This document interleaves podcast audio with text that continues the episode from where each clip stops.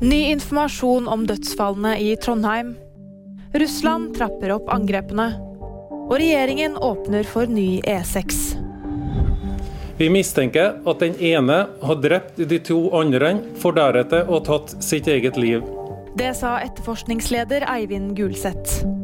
Nødetatene rykket torsdag kveld ut med store ressurser til Singsaker i Trondheim etter funn av tre døde personer. De avdøde er to menn og en kvinne, alle over 18 år. Ifølge politiet er de tre avdøde i familie. Russiske missiler har krysset moldovsk luftrom fredag. Det hevder Forsvarsdepartementet i Moldova, som fordømmer handlingen.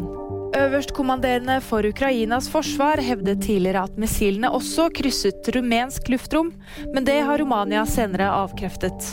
Dette skjer etter en opptrapping av krigen i Ukraina fredag, og i morgentimene meldes det om at luftvernsirenene går i store deler av landet. Regjeringen åpner for utbygging av E6 gjennom naturreservat. I desember ble utbyggingen av E6 forbi Lillehammer utsatt på ubestemt tid, etter at Miljødirektoratet ikke ga tillatelse til å bygge gjennom Lågendelta naturreservat. Nå har regjeringen bestemt seg for å gjennomføre utbyggingen likevel. Det var VG nyheter, og de fikk du av meg, Fride Rivø Lie.